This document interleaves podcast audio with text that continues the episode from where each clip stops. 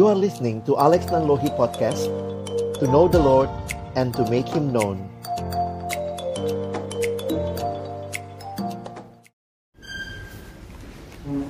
Mari Bapak Ibu yang dikasihi Tuhan Kita berdoa sebelum membaca merenungkan firman Tuhan. Bapa di dalam surga kami bersyukur kesempatan ibadah yang Tuhan berikan kepada kami hari ini Engkau Allah yang sudah memberkati hidup kami Dan Allah yang kami percaya terus akan menyertai kehidupan kami. Kami akan membuka firman-Mu ya Tuhan. Kami mohon bukalah juga hati kami, jadikanlah hati kami seperti tanah yang baik, supaya ketika benih firman Tuhan ditaburkan, itu boleh sungguh-sungguh berakar, bertumbuh, dan juga berbuah nyata di dalam kehidupan kami.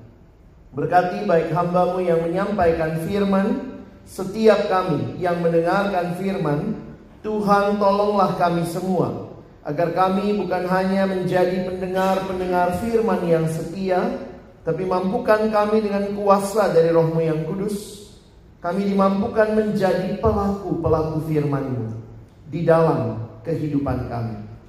Bersabdalah ya Tuhan kami umatmu sedia mendengarnya di dalam satu nama yang kudus, nama yang berkuasa, nama Tuhan kami Yesus Kristus. Kami menyerahkan pemberitaan firman-Mu. Amin. Shalom. Selamat pagi Bapak Ibu Saudara yang dikasihi Tuhan. Pagi ini saya memberikan judul bagi renungan kita adalah bersukacitalah. Dan ini bukan hal yang baru tentunya buat kita di tengah-tengah kehidupan kekristenan, tetapi saya ingin mengajak kita boleh mendalami kembali apa yang Alkitab sampaikan tentang sukacita. Saya mulai mungkin dengan pertanyaan dulu ya Kalau Bapak Ibu dengar kata sukacita Apa yang muncul di benak kita? Sukacita Gembira Senang Apalagi? Senyuman begitu ya Ada lagi? Berbahagia Tapi bagaimana seandainya Kata sukacita itu dihubungkan dengan penjara. Mungkin buat kita mengejutkan. Penjara, sukacita. Di dalam Alkitab ada kurang lebih 150 kali kata sukacita yang muncul. Dan salah satu yang menarik di dalam perjanjian baru, kitab yang paling banyak memberikan atau memuat kata sukacita di perjanjian baru adalah kitab Filipi. Di dalam empat pasal kitab Filipi, surat yang pendek, yang Paulus tuliskan, empat pasal ada 16 kali kata sukacita atau bersuka citalah. Apa yang menarik? Paulus menulis kitab Filipi dari dalam penjara. Mengapa penjara bisa begitu dikaitkan dengan sukacita? Saya pikir itu yang harusnya sama-sama kita pikirkan. Sukacita seperti apa yang Tuhan nyatakan bagi kita? Saya ingin mengajak kita melihat dua hal pagi ini. Yang pertama, sumber sukacita, dan yang kedua, bagaimana mengalami sukacita. Mari sama-sama kita lihat yang pertama dulu sumber sukacita. Bapak Ibu Saudara yang dikasihi Tuhan, mari kita melihat di dalam kitab Mazmur Mazmur 42, uh, Mazmur 43 ayatnya yang keempat. Mazmur 43 Mari kita akan melihat ayatnya yang keempat. Mari jika sudah menemukan kita membaca bagian ini bersama-sama. Satu, dua, iya. Maka aku dapat pergi ke mesbah Allah, menghadap Allah yang adalah sukacitaku dan kegembiraanku, dan bersyukur kepadamu dengan kecapi, ya Allah, ya Allahku. Pemasmur di dalam bagian ini menyatakan bahwa Allah adalah sukacitanya. Kalau kita perhatikan ini menjadi satu bagian yang penting dalam hidup beriman kita, percaya bahwa sumber sukacita itu adalah dari Allah. Kalau kita bicara sumber sukacita dari hal-hal di luar diri kita, maka mungkin banyak orang akan bisa bersukacita ketika terjadi banyak hal. Kenaikan jabatan, apalagi kalau yang naik gajinya begitu ya. Terus kemudian situasi yang nyaman, situasi yang enak. Tetapi kita diingatkan hari ini bahwa yang namanya situasi-situasi yang ada di sekeliling kita itu situasi yang bisa berubah. Situasi yang bisa berganti-ganti setiap saat. Tetapi ada satu sumber sukacita yang jauh lebih mendasar, yaitu Allah sendiri.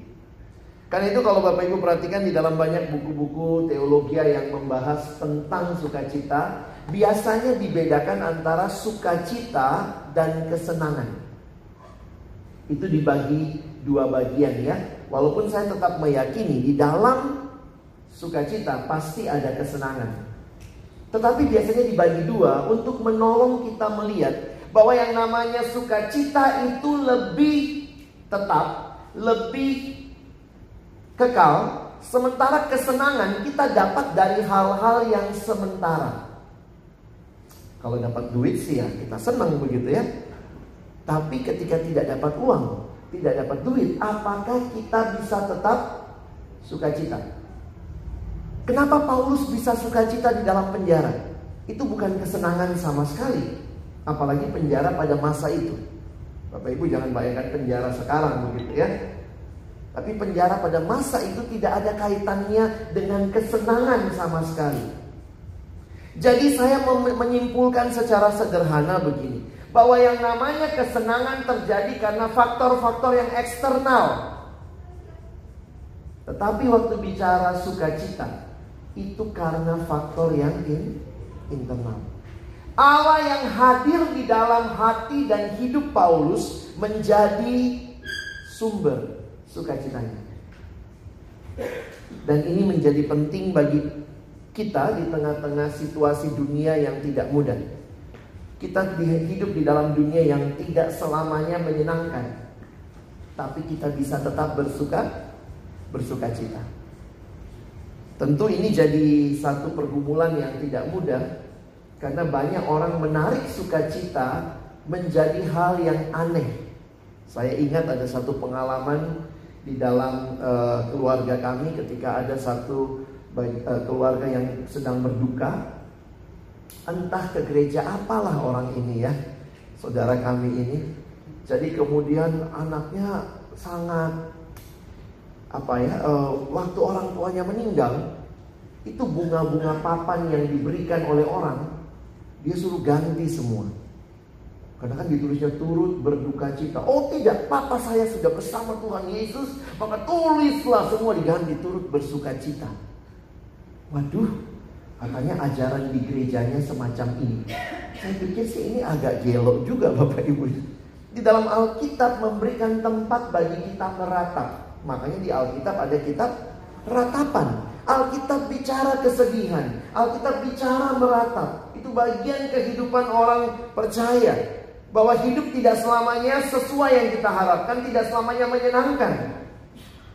Jangan dicari-cari sukacita di dalam atau jangan dicari-cari sesuatu yang seolah-olah membuat kita melupakan duka cita itu. Tetapi poin saya adalah lihatlah ada Allah yang hadir sehingga di dalam duka cita itu pun kita tetap bisa tenang menikmati Allah. Karena itu sangat berbeda. Kalau tadi kita bilang sukacita itu kaitannya sama gembira, tersenyum segala macam. Saya pikir sukacita jauh lebih mendasar bahkan situasi yang sangat buruk pun. Sukacita itu adalah ketenangan, keyakinan bahwa Allah ada dan tidak meninggalkan kita. Ada ayat kan bilang kita harus bersyukur. Ini kalau kadang-kadang kita cari-cari syukur itulah orang orang Indonesia ya. Kadang-kadang suka gitu ya uh, oh dia kecelakaan kakinya patah yang kanan, Ih, syukur ya bukan yang kanan sama kiri gitu. Kita cari-cari syukur. Ya oke okay lah, kadang-kadang ya logis gitu ya. Oh iya ya untung nggak ini, eh, untung cuma kepalanya, nggak seluruh badannya. Untung, jadi kita paling gampang cari untungnya. Tetapi dalam realita hidup saya pikir nggak begitu. Apa artinya bersyukur senantiasa? Bersyukur senantiasa bukan cari-cari syukur kalau ada orang yang meninggal. Apa yang kita syukuri? Syukurnya mati ya gitu. Karena memang kita udah nggak suka sama dia. Apa yang kita syukuri? Yang kita syukuri adalah kehadiran Allah di tengah duka cita itu pun Allah hadir. Jadi Bapak Ibu sebenarnya kita selalu punya alasan untuk bersyukur. Bukan karena situasinya, sering kali situasinya sulit sekali kita bersyukur. Tapi alasan kita bersyukur adalah karena Allah ada dan tinggal diam di dalam hati kita dan dia tidak meninggalkan kita. Itu alasan kita bersyukur, itu alasan kita bersuka, bersuka cita. Jadi dalam situasi yang sulit, mari kadang-kadang kita bertanya sama Tuhan, kenapa ini terjadi? Tapi dalam situasi yang sulit, ketenangan, sukacita, ucapan syukur lahir bahwa engkau Allah yang meskipun saya tidak bisa mengerti situasi ini, tapi engkau tidak meninggalkan aku sendiri.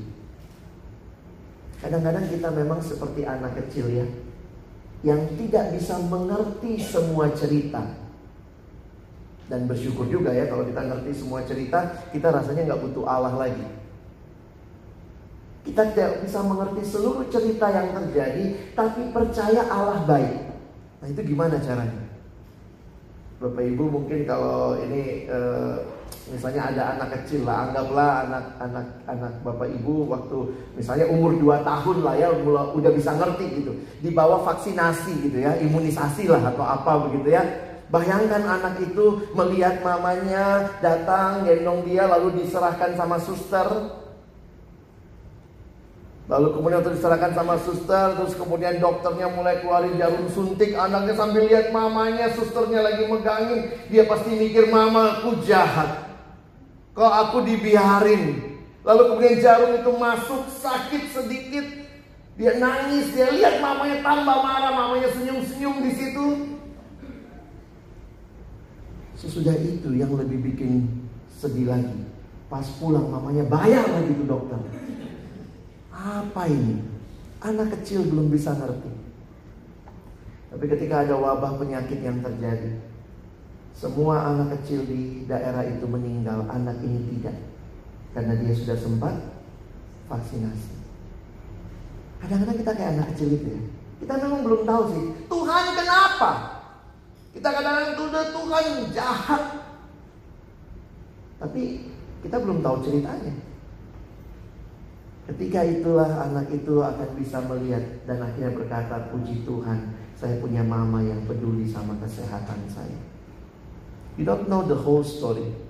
We are in just a part of the story. But God, He is designing the whole story. Kita selalu punya alasan bersuka cita dan bersyukur. Penjara itu bukan tempat akhirnya Paulus. Mungkin waktu dalam penjara Paulus berpikir kalau secara manusia saya pasti sedih, ini tidak menyenangkan.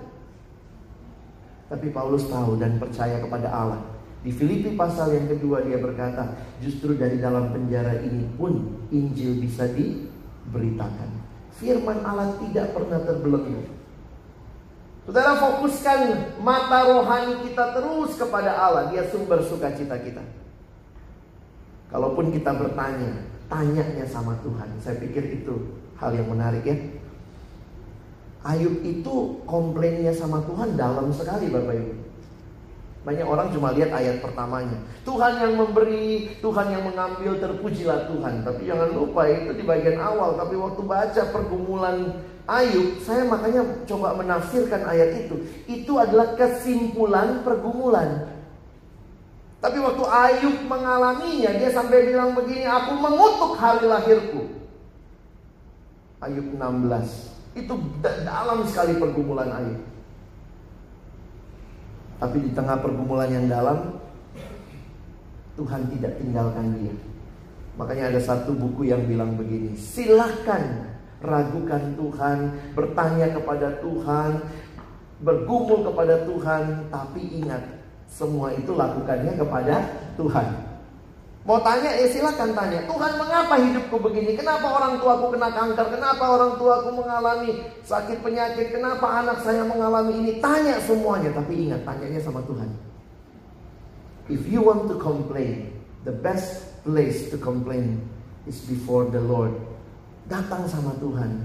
Itu akan menolong kita mengalami apa yang namanya ketenangan karena kita tahu bahwa Tuhan meskipun saya belum tahu seluruh ceritanya, saya sedang bertanya, tapi engkau tidak tinggalkan saya dan engkau baik. Saudara, Ayub tidak dijawab sama Tuhan. Ayub nanya loh saudara. Nanti kalau baca kitab Ayub di pasal 37 atau 38 begitu ya, Ayub bertanya. Saya lupa persis tapi Ayub bertanya kurang lebih nanti Bapak Ibu hitung ya. Dia bertanya kurang lebih 60 tujuan pertanyaan. Dia tanya sama Tuhan, mengapa? Uh, sorry, ya, sorry. Ayub bertanya sama Tuhan, lalu Tuhan jawab. Jawabnya Tuhan yang dengan pertanyaan. Maaf, saya salah sebutkan ya. Jadi waktu Ayub bertanya kepada Tuhan, mengapa ini semua terjadi? Tuhan jawab Ayub lewat pertanyaan. Ada kurang lebih 67 pertanyaan yang Tuhan tanyakan lagi sama Ayub. Pertanyaannya apa? Misalnya Tuhan bilang begini, di mana engkau waktu aku meletakkan dasar bumi? Siapa yang ciptakan ini? Siapa yang ciptakan itu? Dari mana lahirnya ini? Dari mana lahirnya itu? Tuhan tidak jawab Ayub terhadap apa yang dia alami, tapi Tuhan menegaskan kepada Ayub. Coba jawab. Siapa aku? Dan waktu Ayub akhirnya mendengar semua pertanyaan itu, Ayub bertobat. Kayak Tuhan mau bilang gini sama Ayub, Ayub, kalau kamu Allah, saya Allah, ayo kita diskusi. Tapi kamu ciptaan yang Allah tuh saya, kamu terima. Jadi kayak Tuhan nanya, di mana kamu waktu aku letakkan dasar bumi? Kalau kau ada di situ, kau sama-sama aku Allah, yuk kita diskusi. Tapi sorry, engkau ciptaan. Percaya, aku tahu yang ter terbaik. Bapak Ibu tuh kita kadang-kadang merasa diri lebih jago dari Allah ya. Kalau saya jadi Allah begini jalan hidup saya. Jadi kita memang sudah train to be God. Itulah kecenderungan manusia berdosa sejak di taman Eden. Manusia mau jadi Allah. Jadi ini satu hal yang saya pikir kita perlu ingat. Allah sumber sukacita. Perhatikan eh, Yohanes pasal 15. Kita lihat sebentar saja ayat-ayat ini. Ternyata kalau tadi di dalam perjanjian lama bicara Allah, Allah Bapa tentunya kalau kita kenal di perjanjian lama, di dalam perjanjian baru Yohanes 15 ayat 11. Yohanes 15 ayat 11 kita lihat ayat ini kita baca sama-sama. Satu dua ya. Semuanya itu kukatakan kepadamu supaya sukacitaku ada di dalam kamu dan sukacitamu menjadi penuh. Jadi waktu Tuhan Yesus ngajar, kalau Bapak Ibu perhatikan ini kan Tuhan Yesus yang ngomong. Dia mengajarkan apa tujuan pengajaran Yesus? Supaya kamu suka suka cita. Memang betul ada pengajaran Yesus sangkal diri, pikul salib. Itu penderitaan yang tidak mudah. Tapi semua ini kata Yesus diajarkan supaya kamu suka cita. Maksudnya apa? Di tengah pergumulan engkau terus boleh melihat dan menikmati aku Allah Bapa sumber sukacita. Yesus aja mau kita sukacita. Satu lagi, Roh Kudus juga menjadi hal yang sangat luar biasa pribadi Allah yang diberikan. Lihat Galatia pasal 5. Bapak Ibu tentunya ingat kalau kita bicara buah roh. Nah, tapi saya mau tunjukkan satu hal bagi kita. Lihat sebentar Galatia 5 ayatnya yang ke-22. Kalau Bapak Ibu perhatikan Galatia 5 ayat 22, maka kata awal yang muncul adalah tetapi. Gitu ya, benar? Pasal 5 ayat 22. Tetapi buah roh ialah. Nah, berarti sebelumnya ada yang disampaikan. Bapak Ibu lihat ayat 19. Apa namanya ayat 19? Perbuatan daging telah nyata lalu ada list perbuatan daging satu dua tiga bapak ibu perhatikan sebentar kenapa waktu bicara daging daging itu adalah hidup yang berdosa hidup kita yang dalam natur dosa waktu bicara daging Paulus pakai istilah perbuatan. Kenapa waktu roh dia tidak pakai kata perbuatan? Kan bisa begitu dong. Nah, satu penafsir memberikan gambaran yang menarik. Dia mengatakan begini: perbuatan daging itu sesuatu yang natural kita lakukan. Karena saya sudah jatuh dalam dosa, maka natural sekali apa yang saya lakukan itu tuh. Percabulan, kecemaran, hawa nafsu, penyembahan berhala, sihir, perseteruan, persisian, amarah. Jadi itu buah atau perbuatan kita. Tetapi waktu bicara roh, dia bilangnya buah roh. Apa yang dimaksud dengan kata buah? Ini adalah gambaran itu bukan natural diri kita. Ketika kita terima Yesus, kita berarti terima Roh Kudus. Ketika Roh Kudus ada di dalam diri kita, maka Roh Kudus yang akan menolong kita menghasilkan buah itu. Makanya ini namanya buah buah roh. Bukan buahnya saya, bukan buahnya Bapak Ibu, tapi ini buah kehadiran Roh Kudus dalam hidup kita yang akan menghasilkan. Apa yang dihasilkan? Kasih termasuk suka cita. Jadi ternyata memang sukacita itu bukan dari dunia. Bukan dari benda-benda yang kita miliki, semua yang kita punyai, sesuatu yang sementara. Sukacita itu sumbernya Allah dan dikerjakan melalui kehadiran Roh Kudus di dalam hidup kita. Jadi kalau Bapak Ibu mengerti, bagian pertama jelas sekali. Sumber sukacita adalah Allah.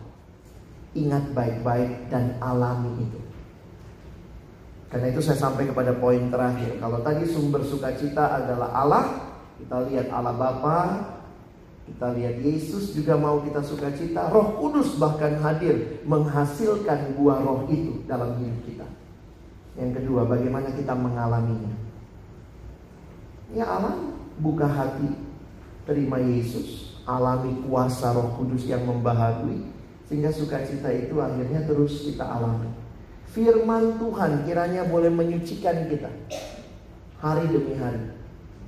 Jadi mengalami sukacita itu bukan usaha kita, tetapi karunia Allah karena sumbernya dari Tuhan. Tuhan sudah sediakan tergantung kita nih mau dipakai apa tidak, mau dialami atau tidak. Kalau kita masih taruh kepuasan kita, sukacita kita pada hal-hal yang sementara, maka ada yang bilang begini ya, kalau semua sudah kita nggak punya, barulah kita sadar bahwa ternyata memang cuma Tuhan satu-satunya yang kita punya. Kadang kalau masih ada yang lain, kita merasa masih bisa diandalkan. Pengalaman saya lihat orang di, di desa, satu waktu saya datang ke satu desa, lalu kemudian pelayanan di situ, terus kemudian ada ibu-ibu cerita gitu ya. Oh, dia bilang, saya sakit kepala pak. Oh iya gitu, sakit kepala. Saya tanya, apa yang dilakukan waktu sakit kepala? Ada di tas itu ya. Terus dia bilang, e, sakit kepalanya ini, saya tanya, waktu sakit kepala apa yang diingat bu? Oh saya ingat Tuhan Yesus. kaget juga gitu ya. Apa imannya polos-polos banget gitu ya? Dia bilang ya ini dengan bahasa Jawa yang kental gitu. Waktu saya sakit kepala pak, saya ingat Gusti Yesus. Kita kalau sakit kepala ingat apa? Panadol, Paramex ya. Nanti kalau semua sudah diminum, udah gak mempan baru, oh Tuhan, Tuhan belakangan. Bukan berarti kita nggak butuh obat Bapak Ibu ya. Tapi kadang-kadang dalam hidup yang semakin modern ini, andalan kita, sukacita kita bukan Tuhan. Mungkin orang miskin lebih gampang ya, merasa Tuhan segala-galanya karena nggak punya apa-apa. Kita yang punya segalanya atau punya banyak hal bisa jadi lupa. Dan sebagai penutup saya ingin ingatkan kepada kita. Kalimatnya begini. Tuhan tidak hanya mau kita bersuka cita.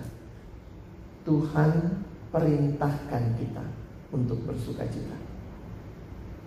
Di Alkitab kata bersuka citalah muncul banyak kali dalam kata perintah. Jadi ini bukan anjuran, mbok ya sukacita, ini lagi susah, ayolah sukacita, ayolah senang, bukan. Tuhan bilangnya apa? Bersukacita. Ini perintah. Bagaimana alami sukacita? Terus andalkan Tuhan. Jadi waktu saya ketemu kata bersukacitalah, bukannya ketawa-ketawa, bukannya happy-happy, tapi Tuhan mau teruslah andalkan aku sumber sukacitamu. Karena itu Paulus klimaks dari surat Filipi, surat penjara. Kita lihat ayat terakhir. Filipi 4 ayat 4. Ini ayat terkenal ya Bapak Ibu ya. Tapi saya baru sadar ayat ini perintah Bapak Ibu ya. Filipi 4 ayat 4 ini perintah ternyata. Bapak Ibu kalau terima perintah selalu kalau orang di instansi ya, siap. Apa aja harus siap gitu ya. Tapi jangan cuma siap. Tidak taat perintah berarti dosa. Loh, kalau perintah nggak taat ya dosa. Kalimatnya apa? Paulus bilang begini. Bersukacitalah senantiasa dalam Tuhan. Harusnya titik sampai situ aja. Seolah-olah kurang dia katakan sekali lagi kukatakan this is a very important thing. Bersukacitalah. This is not only a suggestion. This is a command. Ini perintah. Bapak Ibu waktu saya menyadari ini saya baru ngeh gitu ya setelah sekian lama juga bahkan sudah jadi hamba Tuhan Ya ampun sukacita itu perintah toh. Karena itu saya harus taati. Bapak Ibu, ini perintah, tapi perintah yang indah. Can you imagine joy is a duty? Can you imagine joy is a duty, but this is a happy duty. Karena waktu kita mentaatinya, dekat dengan Tuhan, kita diberikan kekuatan ketika situasi buruk sekalipun, kita terus bisa bertahan karena punya pengharapan Allah hadir di tengah-tengah kita. Tema hari ini bersuka citalah itu perintah. Amin. Mari kita berdoa. Bapak Surgawi terima kasih buat firman-Mu. Biar kami bukan hanya jadi pendengar, jadikan kami pelaku-pelaku firman-Mu. Dalam nama Tuhan Yesus, kami bersyukur, kami berdoa. Amin.